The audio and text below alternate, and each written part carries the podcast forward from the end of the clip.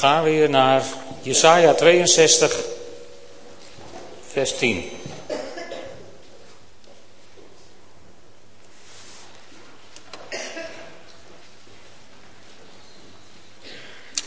Jesaja 62, vers 10. Ga door de poorten, ga er doorheen. Maak de weg vrij voor het volk. Ruim baan, effen de weg en verwijder de stenen. Steek het vaandel op voor de volken.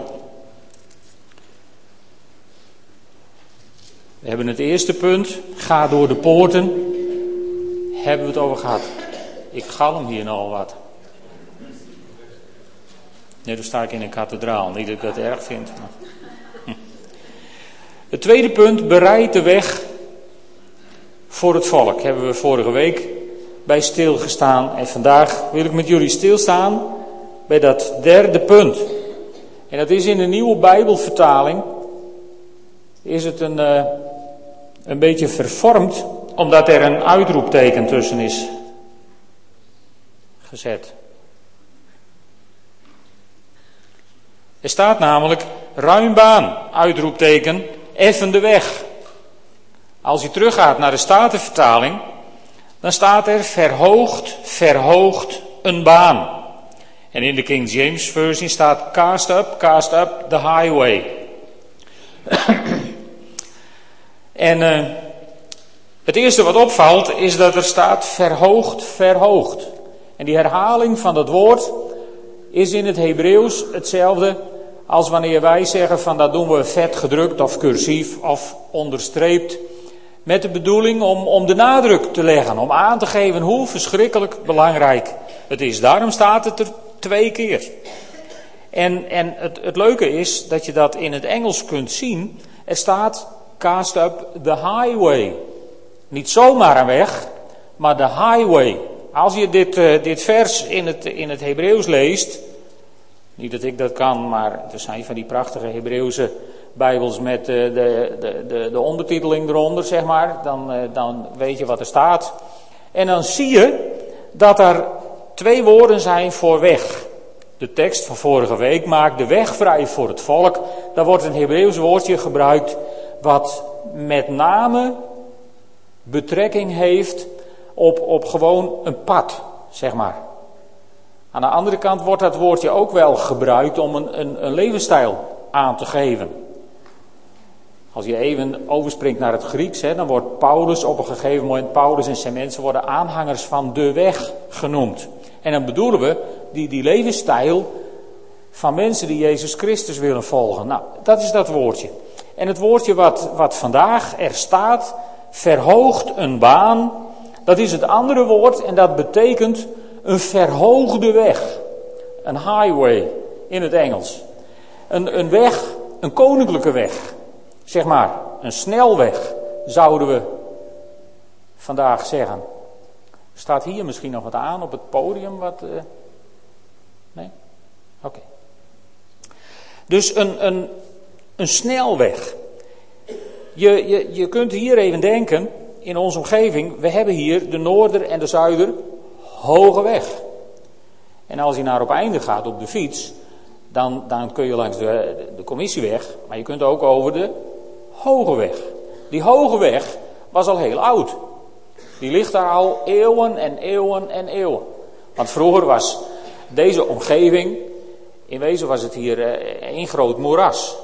Je kon hier niet verkeren, of je moest over de hoge weg. Over die hoge zandrug die er doorheen lag, waardoor de monniken ook van het zuiden naar het noorden trokken.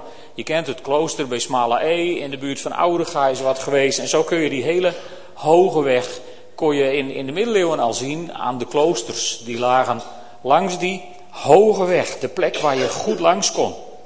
Toen wij in Zwaagwesteinde woonden, woonden wij aan de Fuawai, de voorweg. En achteraan in het dorp had je de achterweg. Ja, en zo heb je op sommige plaatsen de hoge weg. En als het goed is, heb je in sommige plaatsen dan ook nog de lage weg. Ja, dus daar komt het vandaan. De ene weg is belangrijker dan de andere. En dat kun je ook zien in dit stukje.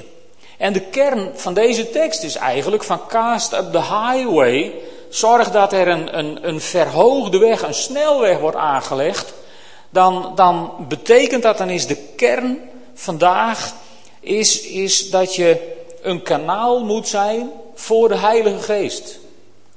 Je kunt mensen geen snelweg naar de hemel beloven, dat gaat niet. Dat weten we allemaal wel, maar je kunt wel een snelweg zijn voor Jezus om door jou heen uit te reiken naar de mensen. Vorige week hebben we gezegd van de mensen moeten door jou heen bij Jezus kunnen komen. Door jou heen. Vandaag keren we het om. Jezus moet door jou heen bij de mensen kunnen komen. Als het allebei zou werken, dan kunnen onder jouw neus mensen Jezus ontmoeten. En dat heb ik vorige week ook al gezegd. Er is weinig verslavender dan dat mee te mogen maken. Dat mensen in jouw aanwezigheid onder je ogen veranderen in wedergeboren schepselen Gods. Dat is iets geweldigs.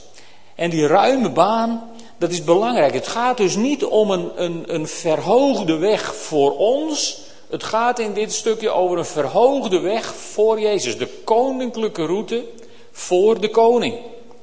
Om bij mij te kunnen komen. Je kunt bijvoorbeeld zien in Psalm 68, vers 4 of 5, hangt van de Bijbel die je hebt. Zing voor God, bezing zijn naam. Maak ruim baan voor hem die door de vlakten rijdt. Heere is zijn naam, jubel als hij verschijnt. Wauw, jubel als hij verschijnt. Maak ruim baan voor hem. Wat een prachtig vers. En, en denk daarbij bijvoorbeeld eens, één voorbeeld uit de Bijbel wil ik vanmorgen met jullie even bij stilstaan. Het verhaal van Petrus en Johannes in de tempel. Kom eens met me mee naar Handelingen 3.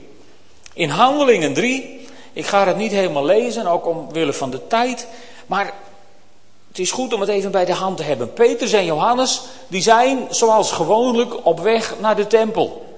En dan komen ze bij, uh, bij de poort, die de Schone heet.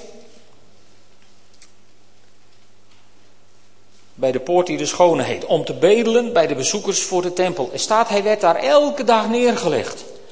Elke dag. En dan vraag je je af, als je dat leest, hoe vaak zou Jezus hem voorbij zijn gelopen? Want ook Jezus was veel in de tempel.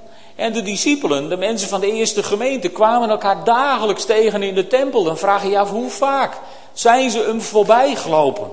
Maar juist op deze dag, op deze dag, kennelijk Gods dag voor deze man, spreekt deze man hen aan en dan gebeurt er iets. Daar heb ik zo'n diepe bewondering voor. Elke keer als ik dat lees. Want je moet je voorstellen, als je op het uur waarop dat is voorgeschreven naar de tempel gaat, door de poort die de schone heet, dan ben je daar niet alleen. Daar is het zwart van de mensen. Want iedereen ging naar de tempel door de poort die de schone heette. Met andere woorden, het was hartstikke druk. En je kon niet even, even, even privé even wat doen of zo. En dan zit er die man en die vraagt om een aalmoes. En ik denk niet, ik geloof niet dat het Petrus zijn briljante idee was om die man daar even te genezen. Ik geloof dat het, dat het Gods uh, uh, gestelde tijd was om in het leven van die man een wonder te doen. En Petrus moet dat geproefd hebben door de Heilige Geest. En Petrus laat zich leiden door de Geest. En die zegt tegen die man: Zilver en goud heb ik niet, maar wat ik heb, dat geef ik je. En die pakt hem bij zijn hand en die zet hem overeind in de naam van Jezus. Sta op. Mooi verhaal. En we lezen het makkelijk. Maar als jij daar nou had gestaan. Stel je voor je loopt op een dag hier in de winkelpromenade, gezellig te winkelen. En daar zit iemand in een rolstoel en die vraagt om een aalmoes. En de Heilige Geest die begint in je hart te vroeten van God wil in het leven van deze man wat doen. Wat zou je dan doen? Weet je wat ik zou doen? Ik zou die man toefluisteren van luister, we hebben een hele leuke gemeente en daar bidden we wel eens voor mensen. Kom zondag maar naar de Brouwersingel. Veilig. Maar je stem verheffen midden in het centrum van Drachten en tegen iemand zeggen in de naam van Jezus sta op, dat doe je niet. En waarom eigenlijk niet? Weet je, ik heb wat dat betreft een diepe bewondering voor, voor Petrus en Johannes, die daar niet die aandrang van de Heilige Geest weerstaan, maar zich laten gebruiken door God op dat moment. Wat bedoel ik daarmee? Ik bedoel daarmee dat je, punt 1, ongelooflijk goed moet luisteren naar God en de stem van zijn geest moet verstaan. Om te voorkomen dat als je te winkelen bent, dat je tegen iedereen in een rolstoel gaat roepen: sta op in de naam van Jezus. Want sommige mensen zeggen wel: God kan niet anders dan mensen genezen. Nou, God kan volgens mij veel meer dan dat. En bovendien is God autonoom en, en, en niet iets, iemand die ik in de hand heb. Ik zou iemand moeten zijn die God in de hand heeft. Zo moet ik in het leven staan. En, en wat ik dan zie in het leven van deze twee mannen, dat, dat ja, ik heb het samengevat in, in drie woorden. Ze waren beschikbaar voor God. Ben je, hoe beschikbaar ben jij voor God? Ik heb mezelf dat ook gevraagd hoor, dus daarom durf ik nu. Hoe beschikbaar ben je voor God? Zeg je wel eens tegen God van Heer, breng eens iemand op mij weg die u nodig heeft en gebruik me maar. Weet je dat wel eens? Moet je alleen doen als je het meent hoor, want God neemt het serieus als hij dat vraagt. Heb je wel eens gezegd, Heer, ik wil beschikbaar voor u zijn als een instrument van uw Heilige Geest? Heb je dat wel eens gezegd? Anders daag ik je uit om dat de komende week eens te doen. Heer, gebruik mij maar om mensen te redden om zieken te genezen. Gebruik me maar, Heer, waar u wilt. Beschikbaar zijn. Het tweede is, ze waren gehoorzaam.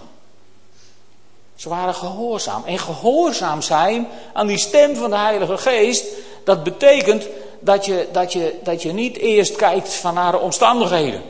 Kan het hier wel? Is het hier wel gepast? Schikt het mij wel? Uh, nou, zo hebben we honderdduizend redenen vaak om niet te doen wat God in ons hart zegt. Want ik geloof dat veel meer mensen de stem van de Heilige Geest verstaan dan wij vandaag de dag nog merken. Ik denk dat we te veel filters zelf hebben ingebouwd.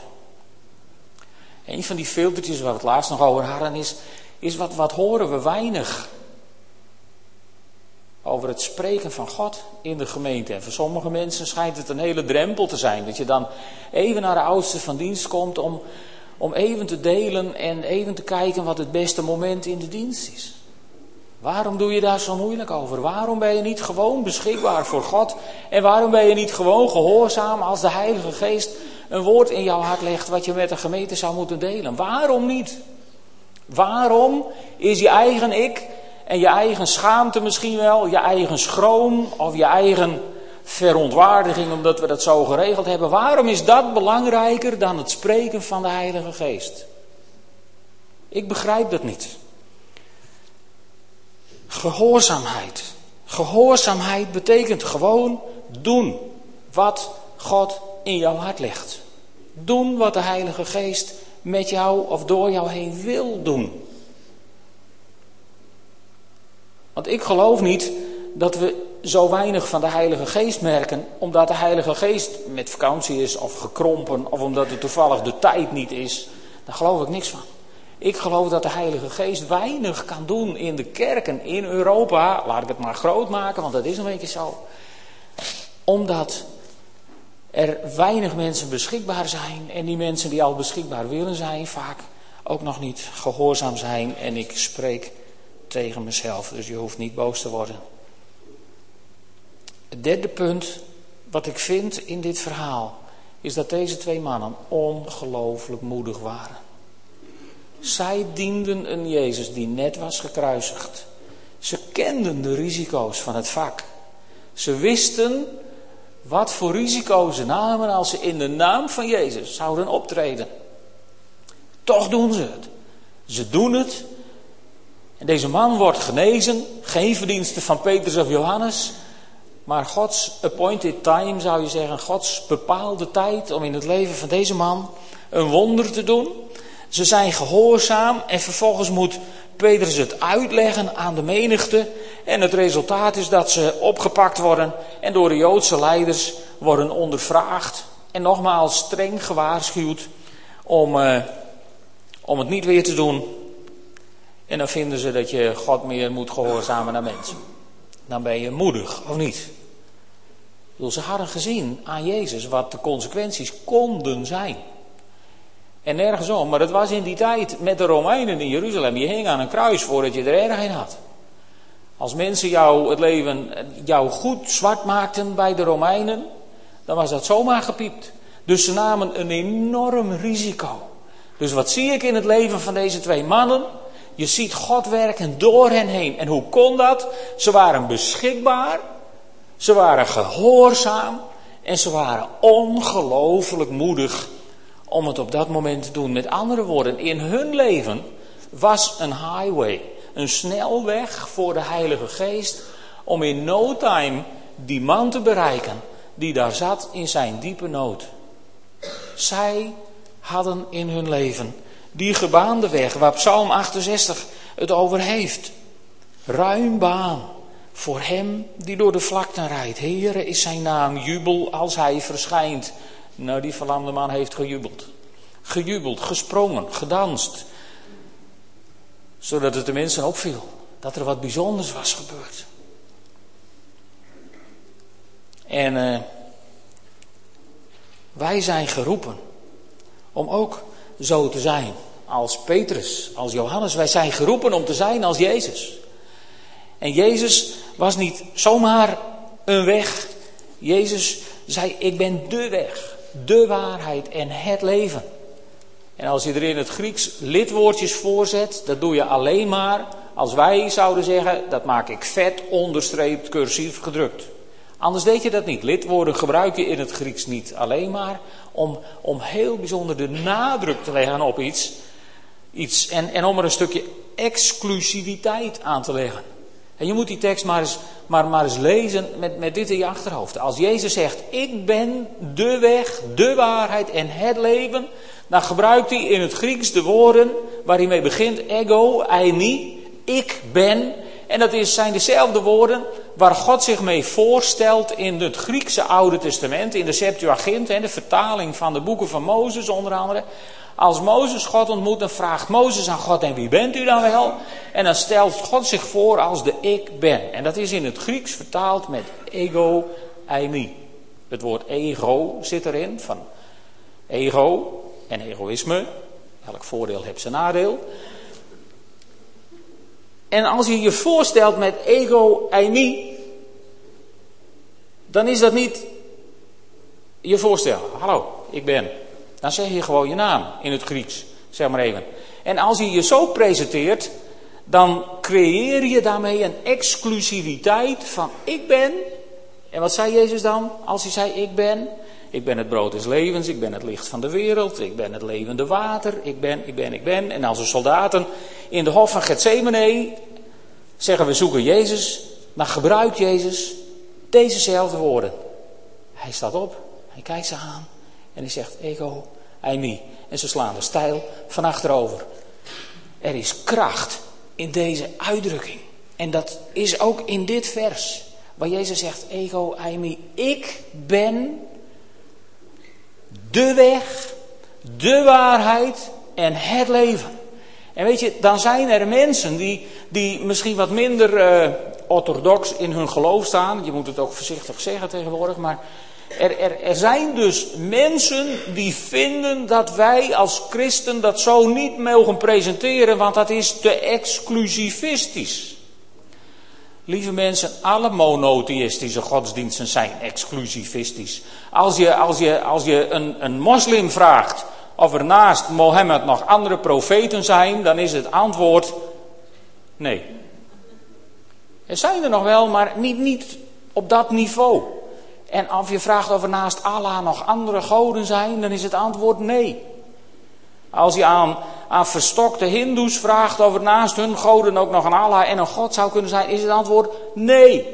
En als je de Joden vraagt of er naast Yahweh nog andere goden kunnen zijn, is het antwoord nee.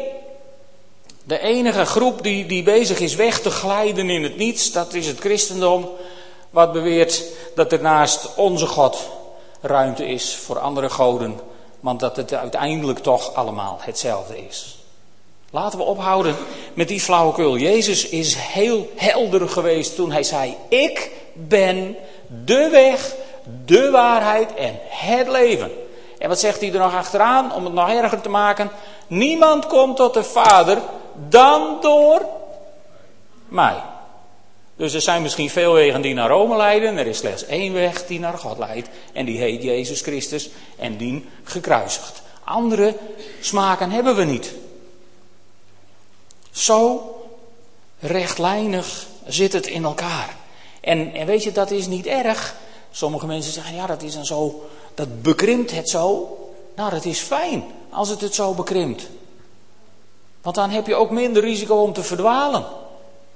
Laten we gewoon deze weg in ons leven volgen en laten we een, een, een, een baan aanleggen in ons leven, zodat die Jezus en die gekruisigd, die Heilige Geest, in no time door ons heen andere mensen kan bereiken op momenten dat ze het nodig hebben. Katrines las hem al voor op Psalm 84, vers 5. Dan krijg je dit namelijk. Gelukkig wie bij u hun toevlucht zoeken, met in hun hart de wegen naar u. Weet je, het is noodzakelijk om in je leven en in je bezigheden een baan te maken, plaats te maken voor Jezus Christus. En dat is, dat is geen sinecure. Ik weet niet of je wel eens, wel eens uh, langs, uh, langs een weg in aanleg rijdt.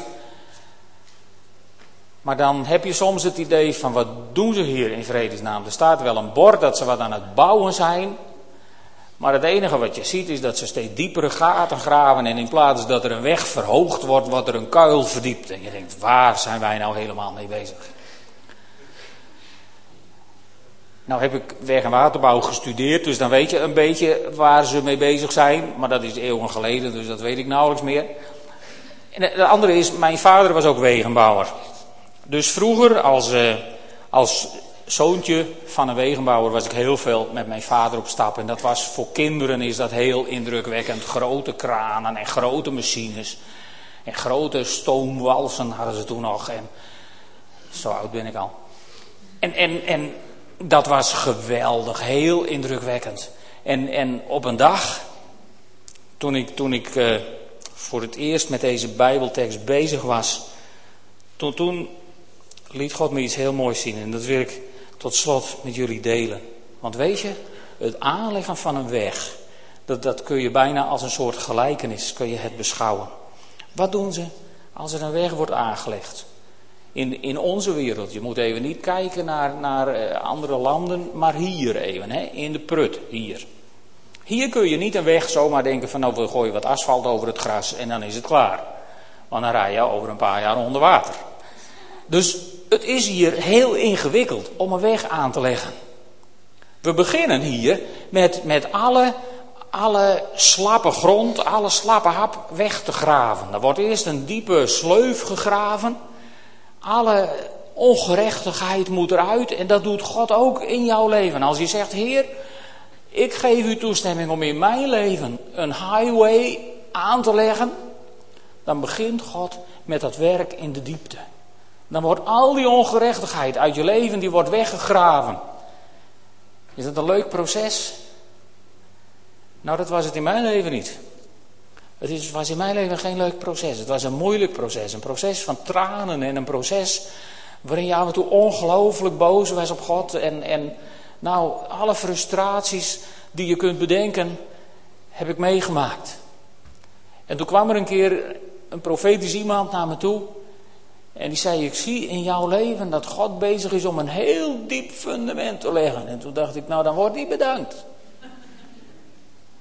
Maar het is goed dat het er ligt. Het is goed dat het er ligt. Weet je, dat graven, dat is het pijnlijke proces in een mensenleven. En dat is echt een pijnlijk proces. Als jij door dingen heen gaat waarvan je denkt, help Heer, wat gebeurt me? Dan heb je dikke kans dat God bezig is om in jouw leven een highway aan te leggen, een hegewei aan te leggen. Alleen dat proces, dat is ongelooflijk langdurig vaak, pijnlijk. Alleen dit is het proces waarvan je later als je achterom kijkt eerlijk moet bekennen, God heeft inderdaad alles gebruikt ten goede. Want God heeft er wat moois van gemaakt. Zoals ik al zei, je kunt hier geen weg aanleggen over de prut heen, want dan wordt het een cakewalk. Dan wordt het een soort achtbaan. Er moet gegraven worden in je leven. En als alle ongerechtigheid dan één keer aan de kant is, wat zie je dan als je bij zo'n project staat? Dan wordt die hele sleuf die ze hebben gemaakt, die wordt gevuld met zand. En ik dacht, heer, zand, wat moet je met dat zand? Maar dat zand, als je hier kijkt, waar halen wij het zand hier vandaan in Friesland? Als we een weg aanleggen, dan wordt er ergens zo'n zandput gegraven. Er komt zo'n zandzuigertje in. En heel ver uit de diepte, daar komt het zand. Daar komt dat goede uit de aarde. Als je, als je het verhaal leest waar Jezus vertelt van een wijs man bouwt zijn huis op de rots en een onverstandig man bouwt zijn huis op het zand, dan ik dan hebben wij in eh, Friesland alleen maar onverstandige mensen. Want niemand bouwt zijn huis hier op de rots, want die hebben we niet. Wij bouwen op het zand. En als we niet op het zand bouwen, maar gewoon in de prut, krijg je hele interessante verschijnselen. Mijn schoonvader kocht uh, eh, 25 jaar geleden, zo ergens, kocht hij een huis van een projectontwikkelaar in Terhorne. En dat was zogenaamd gefundeerd op het zand. Dat was het ook. Zo'n laagje zand, gewoon op het veen gegooid en daar stond het huis op. Bleek later. Later, toen de voorgevel naar voren viel en de achtergevel naar achteren viel en er geen deur meer open en dicht kon in het hele huis en er onderzoeken werden gedaan, toen bleek het huis gewoon op het veen te staan. En na enkele rechtszaken is het huis dan ook tot de grond gesloopt. Er is een gat gegraven tot op het zand. En dan, toen zijn ze weer opnieuw begonnen. En dat huis staat er nog. Dus een wijs man in dit land bouwt zijn huis op het zand. En een onverstandig man bouwt zijn huis gewoon op de prut. Maar God wil dat niet. God wil niet bouwen in jouw leven gewoon op de prut. God wil in jouw leven de ongerechtigheden verwijderen en dan gaat hij bouwen. En daar verhaalt hij uit de diepte van jouw bestaan, haalt hij het goede naar boven. Dat zand. En als het zand er dan één keer ligt, dan denk je, nou prachtig, prachtig, nu kunnen we beginnen. En dat doen we niet. Maar dan komt er een hele andere laag materiaal overheen.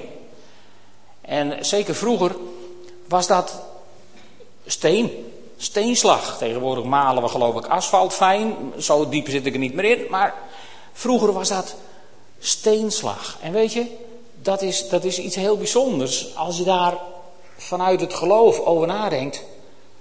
Dat is gebroken rots. Wat als fundament komt te dienen voor de weg. En wie is onze rots? Wie is onze rots?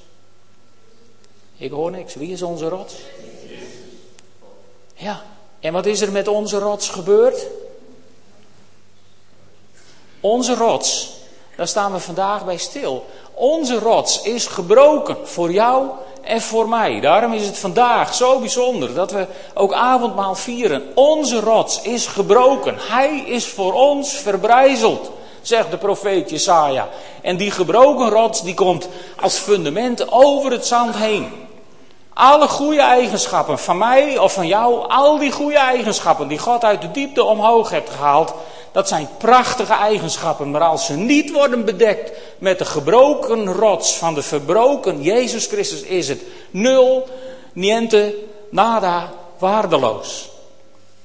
Want het enige fundament waar je echt op kunt bouwen, is het fundament van Jezus Christus. En als dat er dan één keer ligt, pas dan komt het asfalt eroverheen. En dat is dan ook nog eens zo'n mooi beeld, want waaruit bestaat asfalt? Weer uit dat zand. Onze goede eigenschappen, uit gebroken rots, grind, steenslag. Jezus Christus voor ons verbroken. En uit een olieproduct. Er wordt, zeg maar, de zalving van de Heilige Geest wordt eraan toegevoegd. En dan wordt het een mengsel verhit door het vuur van de adem van God. En dan komt er een highway te liggen waarover het verantwoord is met hoge snelheden voort te bewegen. God wil in jouw leven en in mijn leven telkens meer die highway aanleggen. Maar hij heeft van jou toestemming nodig om diep te graven. Zo diep als hij nodig vindt. Maar dan willen wij vaak bepalen hoe diep het mag. En dan zeggen we, nee, sorry hoor, maar ik bepaal. Mag ik bepalen hoe diep ik in jouw leven mag graven? En soms is dat dieper dan je dacht. Soms is het pijnlijker dan je dacht. En soms zijn er omstandigheden die God toelaat in jouw leven, waarvan je denkt, hier moet dat nou zo? Ik zag van een week een, een prediker op de televisie en die zei het heel mooi. Als jij Gods grootheid wilt zien, als je God vraagt om zijn grootheid te zien, dan brengt God je vaak in een omstandigheid waarin hij de gelegenheid heeft om zijn grootheid te laten zien. Hij zegt, als jij vraagt, God ik wil uw genezende kracht zien, dan moet je niet schrikken dat God je in een ziekteproces leidt en je vervolgens zijn genezende kracht laat zien. En, en als je zegt, Heer, ik wil uw glorie zien, dan kan het best zijn dat God toestaat dat je in een soort depressieve situatie terechtkomt. En vervolgens is Hij er om jou zijn glorie te laten zien. Als je zegt, Heer, red mij. Je kunt alleen maar iemand redden die in nood is. Soms laat God aan in je leven toe dat je in nood komt. Soms denk je, Heer, waarom doet u dat? En weet je, vond het zo sprekend.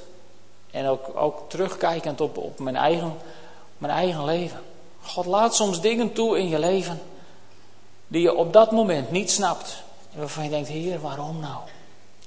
Dat heb ik ook gevraagd aan God, Heer, waarom? En het typisch is, daar krijg je nooit geen antwoord op. Maar als je zegt, Heer, help me er doorheen, dan krijg je wel degelijk antwoord. Dan is die hand van God er in je leven. En dan draagt God je er doorheen. Hij sleept je er doorheen. Hij gaat er samen met je doorheen. Want God is niet bang voor die problemen die je tegen kunt komen in je leven. Als jij zegt, Heer, ik wil die gebaande weg in mijn leven hebben. Psalm 84, vers 5. Ik wil in mijn hart de wegen naar u hebben. Dan moet je niet schrikken dat God diep gaat graven. En doet dat pijn? Meestal wel. Vindt God het leuk om dat met je te doen? Absoluut niet. Maar het is nodig. Het is nodig om het beste uit jou naar boven te halen. Om dat vervolgens af te dekken met de rots die voor ons is verbrijzeld, Jezus Christus. En vervolgens mag je onder de zalving van het Heilige Geest samen met Jezus en het beste uit jou een snelweg zijn voor mensen. Of eigenlijk moet ik zeggen, een snelweg zijn voor de Heilige Geest. Om door jou heen mensen in aanraking te brengen met die wonderbare Heer Jezus Christus. Met die geweldige God in de hemel, schepper van hemel en aarde, die voor jou en mij zijn zoon gegeven heeft, opdat een ieder die in hem gelooft niet verloren gaat, maar eeuwig leven zal hebben. En als je, als je dat kent, als je dat kent, dat je in Hem geborgen bent, dat je in Hem eeuwig mag leven, dan nodig ik je uit om zometeen met ons als gemeente het avondmaal te vieren. Daar hoef je geen lid voor te zijn, maar je moet weten dat Jezus Christus jouw redder en zaligmaker is. En misschien heb je je dat nog nooit zo bewust gemaakt, misschien weet je dat eigenlijk niet eens. Kom dan even praten. Hans en ik en nog een paar mensen zullen hier staan om voor mensen te bidden. En als u zegt, Heer, ik wil, ik, ik wil eerst dingen met u in orde maken voordat ik avondmaal kan vieren, dan, dan wil ik je uitdagen om niet te zeggen van nou dan vier ik over een maand wel avondmaal. Dat is een gemiste kans. Dan wil ik je uitnodigen om van tevoren bij ons te komen. Dan gaan we eerst met je bidden en dan ga je daarna avondmaal vieren. Die volgorde is niet het belangrijkste. En ook als hij zegt, ik heb een aanraking van God nodig. Om, om, om een fysiek probleem, of een, een, een geestelijk probleem, of om strijd die je voert, of om whatever. Als hij zegt, ik heb een aanraking van God nodig vandaag, die extra aanraking van de Heilige Geest, dan willen wij proberen om een snelweg voor de Heilige Geest, om een hoge weg voor God te zijn, zodat God door ons heen misschien jou kan bereiken. Wij willen het proberen. Wij willen hier staan om je te dienen. Maak daar gebruik van, als je dat nodig hebt. Zullen we samen bidden? Mag ik jullie vragen